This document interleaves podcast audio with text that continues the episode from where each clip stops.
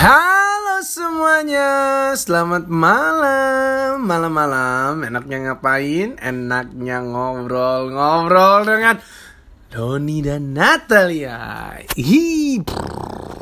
Oh. Oke, sekarang em, em, malam ini pembahasannya tentang kehamilan dan perubahan-perubahannya. Oke guys, siap dengan pertanyaan-pertanyaan dan pembahasan yang akan kami bahas? Harus siap dong. Oke.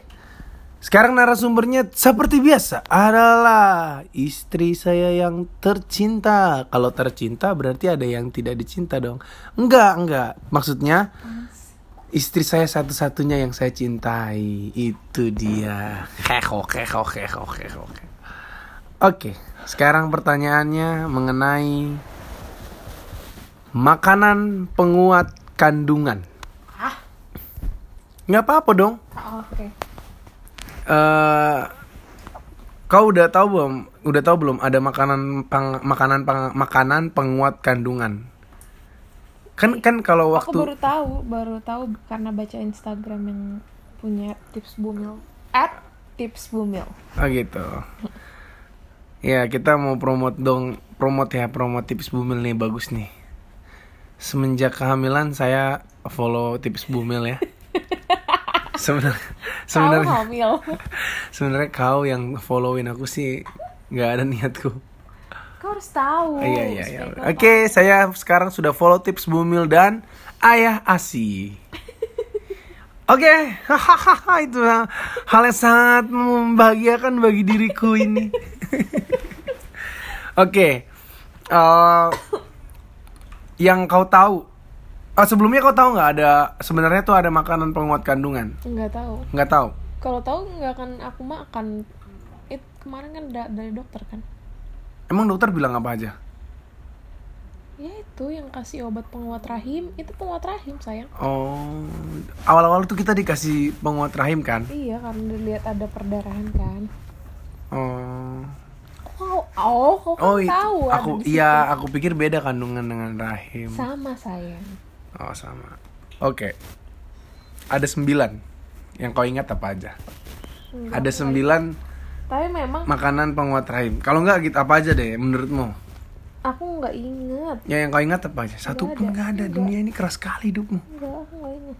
Alpukat. Ubi jalar. Madu.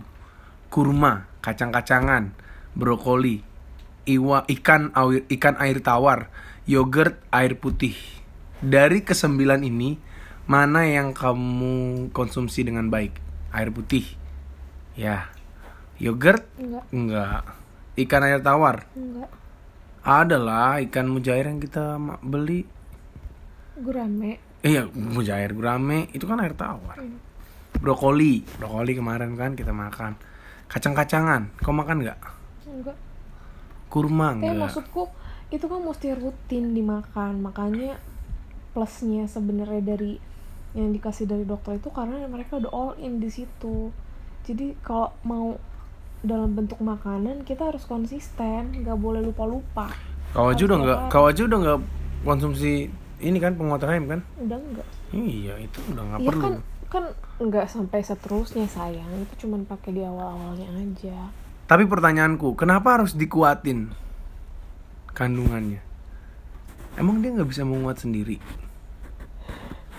itu mesti di expert yang ngejelasin sayang bukan aku tapi yang yang eh, pengetahuan seadanya yang aku tahu ya sebagian orang rahimnya nggak kuat kayak nanti bisa keguguran lah apa kemarahan gitu Ngomong-ngomong soal keguguran, ada makanan yang memicu keguguran. Yang mestinya sih dihindari. Karena ini bukan mitos, ini benar. Kau tahu apa? nggak Ada empat. Nanas, telur setengah matang, pepaya muda, daging merah. Ada empat. Ada empat. Nanas, telur setengah matang, eh, pepaya muda dan daging merah. Mana yang pernah kau konsumsi selama kau mengandung? Nanas. Nanas. Kau seneng banget makan nanas waktu itu awal-awal. nggak apa-apa kok kata dokter. Tapi ini katanya pemicu keguguran.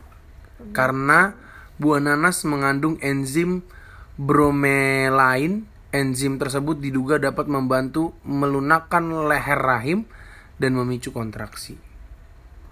Pertanyaanku, kontraksi itu apa sih? Kontraksi sayang. Apa sih? Ya, Kontraksi apa kalau sih? mau melahirkan itu kan kontraksi dulu. Itu yang paling ditakutin semua cewek sebelum melahirkan.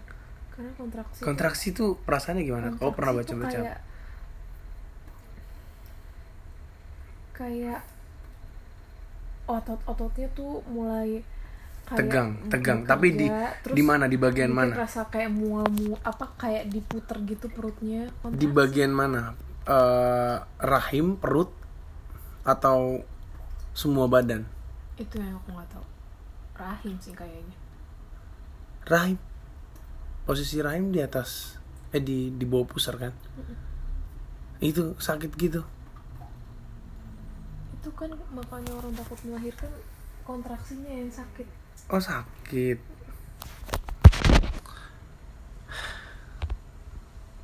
Oke, bicara soal mitos-mitos saat kehamilan. Mitos, ibu hamil tidak boleh mandi malam, bener atau enggak? Mitos atau fakta, ibu hamil tidak boleh aku mandi pernah malam? ba- aku pernah nonton eh, dokter ngebahas soal ini soal eh, apa namanya ibu hamil boleh mandi malam apa enggak sebenarnya boleh asalkan eh, tidak menggunakan air yang terlalu dingin tapi tidak terlalu panas juga jadi hangat jadi. Sesuai dengan artikel ini. Sesuai, bagus. Kau hebat kayak banget. lagi menguji aku sih Iyalah, kau kan yang hamil. Aku hanya sebagai pewawancara aja yang yang ingin tahu sebenarnya kau udah paham belum dengan kehamilan yang kau alami ini. satu kali 24 jam aku belajar terus masa aku nggak tahu Mantap. Oke. Eh sekarang kita bicara peran suami saat istri hamil. kenapa kayak gitu Sekarang kau yang tanya. Kau yang baca-baca ini nih. Iya, ini kan aku udah baca. Ini kau semua ya. Coba. Enggak, aku belum belum ada apa-apa. Coba. Menemani periksa, iya nggak? Yeay, aku ya dong. Pernah nggak aku nggak menemani periksa? Eh, tapi waktu itu kau pernah lebih mentingin pekerjaanmu daripada nerima Pada periksa. akhirnya, Tapi waktu itu, pada akhirnya, iya pada akhirnya iya karena aku Ya bilang jawab udah. terserah. pada akhirnya, Tapi sebenarnya di from your heart kau ngerasa itu lebih penting pada kan? akhirnya. Iya nggak? Karena aku pikir pekerjaan juga kan aku nanti akan bayar Iya setelah kau pemeriksaan. baca ini ternyata it's a normal thing kan? It's a normal thing. Tapi kalau misalkan pekerjaan itu juga penting ya, Which one is your priority? ya ah, pada akhirnya, Ya udah, which one is your priority? pada akhirnya, Which one is your priority? pada akhirnya, Jawab aja. aku Which stay one? atau pergi Which one? dari tingkah lakuku Which one? menemani periksa. Ya udah, bagus. Abis itu membantu memasak. Wah, ini bukan bantu lagi dia setiap pagi selama tiga bulan. Kenapa mukanya langsung kayak gitu? Enggak, apaan sih? Lanjut, Berkatmu banyak sayang, lanjut. dikasih Tuhan. Memijat. Iya sih, Doni bantu mijat tapi tapi Tapi apa? Setengah hati. Udahlah. sambil podcastan. Terus ke mana-mana. Ke mana-mana gimana caranya? Memijat terus ke Monas gitu aku? pikirannya ke mana-mana. Jadinya nggak fokus pijit aku. Tapi dia sudah trying his best. Yang keempat membantu pekerjaan rumah. Iya. Iya banget. Cuci baju. Cuci piring.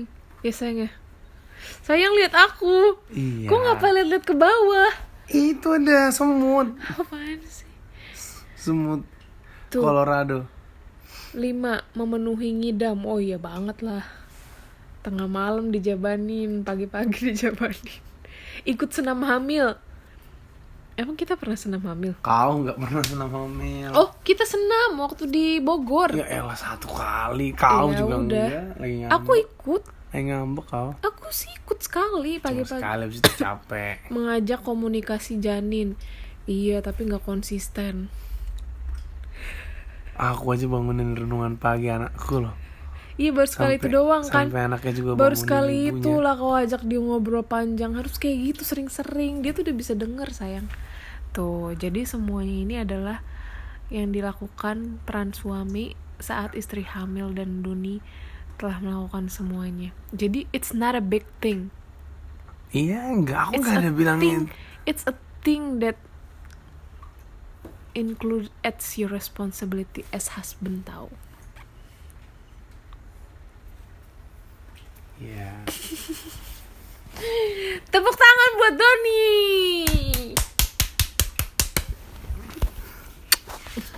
Kembali lagi kepada saya. Berkomentar nggak? Udah lah, nggak usah dikomentari. Yang penting perlakuannya aja. Udah sakit lah hidungku gitu-gitu. Ah, Tuh kan kau galak. trik jitu saat hamil dari dokter nih. Kau harus baca nih. Bercinta sesering mungkin. Enggak ini baca bener nggak? Iya tapi kau Tips jitu cepat hamil dari dokter. Oh tips jitu cepat hamil. Kirain saat hamil. Lah tips tips jitu cepat hamil. Ya iyalah bercinta sesering mungkin gimana sih? Kalau nggak pernah bercinta gimana mau hamil? Kupra kupra. Bercinta sesering mungkin. Disarankan pasangan harus mencoba sesering mungkin. Makin rajin hubungan intim, makin mak- maka makin cepat hamil. Idealnya bercinta dilakukan tiga kali seminggu. Tuh sayang, kita kan tiga kali seminggu dengar itu baik-baik. di kira-kira ini emang berapa? Ya karena aku marah-marahin dulu. Kalau nggak kau maksa. Ih, kok maksa sih Eh sayang? enggak maksudnya. Mana pernah sih aku maksa kalau nggak mau iya juga. nggak maksa tapi ngesosor mulu. Soalnya aku baca sayang, katanya eh, ini bener nih ya, katanya perempuan itu harus kalau misalkan nggak mau bukan berarti dia bener-bener nggak mau. Aku kan mau beneran beneran nggak Masa mau. kalau aku sampai marah? Enggak, enggak kan enggak harus kan kalau marah enggak, enggak akan kan. Iya, malam-malam kalau aku lagi nggak mau dipeluk, kau peluk aku. Iya kan udah kan kalau nggak mau kan udah kan aku diem kan. Baru dia ngomong sendiri, sabar dong, sabar. Emang aku nggak denger. Iya maksudku benar yang kok yang kau lagi sampaikan ini benar. Cuman aku bacanya gitu kalau misalkan sekali terus nggak mau, terus aku langsung nggak mau, maksudnya aku langsung nggak nggak paksa, maksudnya nggak cuman men- apa begitu aja menyerah, berarti ada ada ada di situ dibilang aku nggak benar-benar tertarik ingin bercinta gitu. Ya kan aku mau sampaikan ya aku bener nih mau eh, kayak gitu kan. Terus kau nggak mau malah belakangin aku kan? Ya udah kalau misalkan belakangin doang ya coba kita coba dulu nih dengan cara yang lebih halus. Ayolah sayang gitu gitu kan. Terus kamu masih nggak mau kalau bener-bener nggak mau ya udah nggak apa-apa. Oke sabar Doni sabar gitu doang Iya bener yang aku baca sayang. Itu Iya, orang buku iya. itu kok yang ngomong Iya, kalau kau tolak eh kalau kau tolak terus aku langsung mengiyakan penolakanmu artinya aku bener-bener nggak ya udah nggak Iya, tertarik next. aja gitu. Jadi kalau aku ajak ya mau dong. Next. Nih nih nih nih apakah kita udah lakukan atau belum? Karena kau, kau kan udah hamil kan? Lakukan usai subuh. Kita sering usai subuh awal-awal kan sih. Di dianjurkan pagi setelah subuh. Masih bisa man masih bisa mandi setengah jam setengah tujuh dan bisa bisa bisa sarapan. Kalau malam kan udah pada capek kadang-kadang disentuh aja udah marah-marah. Iya nggak bun? Hehe. Itu kau ditanya tuh. Keletihan badan itu memang memengaruhi. Oke next. Letakkan Tuh, bantal. Wajar kan? Kalau lagi capek di situ Iya. aja marah. Letakkan bantal di punggung istri kita nggak lakuin ya? Katanya ketika ejakulasi suami jangan langsung lepaskan diri. Kalau mau melanjutkan lagi bisa meletakkan bantal di bagian belakang tubuh. Jadi sumbu vagina agak tegak sehingga sperma yang keluar akan susah turun dari dalam vagina. Kalau suami langsung lepaskan diri dan kadang-kadang kan kadang-kadang sperma itu sebagian besar keluar. Jadi sayang misal ibu, si ibu perlu 100 juta sel yang keluar 50 juta sel kan tinggal setor dua kali. Oh nggak ngerti aku. Pokoknya gitulah. Tapi ini aku pernah sih uh, denger-denger ini dari ada orang RSM ngomong kayak gitu juga. Dia habis selesai uh, berhubungan intim katanya istrinya kakinya diangkat supaya spermanya nggak ada yang keluar. Katanya tergant istrinya juga but nggak tahu lah gimana butuh dirangsang kayak gitu. Dan akhirnya memang berhasil sih jadi kayak diangkat gitu supaya supaya nggak keluar. Supaya masuk dipaksa di kalau kita nggak ada gitu gitu nih. Terus jangan buru-buru selesai. Kita gimana? Kau gimana? Lah jujur lo dulu. Aku siap abis selesai langsung kamar mandi. Bersihin. Jangan langsung kabur ke kamar mandi. Jangan langsung kabur ke kamar mandi baik yang laki maupun yang perempuan. Istirahat dulu itu kita kaitkan dengan sifat dari sperma. Waktu keluar kan kental kayak lem. Tapi setelah 3 menit dia akan mencair disebut likuifaksi. Setelah cair sel baru naik. Oh. Gila ya, kita nggak pakai begini-beginian saya waktu itu. Tapi oke okay lah mantap. Lanjut. Istirahat sambil cuddling. Cuddling apa sayang? Peluk-pelukan ya uh, beberapa suami mungkin yang nggak terlalu nyaman untuk beristirahat lama disarankan sambil istirahat pasangan bisa melakukan cuddling pelukan dulu. Jadi punya attachment yang lebih baik. Untuk itu si ibu istirahat dulu 7 menit jadi kita punya waktu 10 menit. Dari pertama kali sperma itu diletakkan 3 menit sperma akan mencapai ujung saluran telur. Oh gitu. Jadi itu dia. Kita lakuin sih ya. Ada yang ada yang yang mungkin kalau buru-buru ini kau yang paling buru-buru. Letakkan bantal di punggung kita nggak lakukan usai subuh ya kita lakukan bercinta sering mungkin.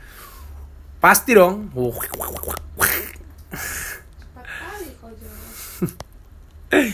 Oke, okay, uh, eh, sehubungan dengan mungkin terlalu kabur kali ya. Tadi kan dari makanan, terus uh, makanan penguat rahim, makanan keguguran, terus apa saja yang uh, mitos mitos dan fakta tadi yang nggak boleh mandi malam dan segala macam dan sekarang sehubungan dengan bagaimana bisa uh, cepat untuk mendapatkan kehamilan.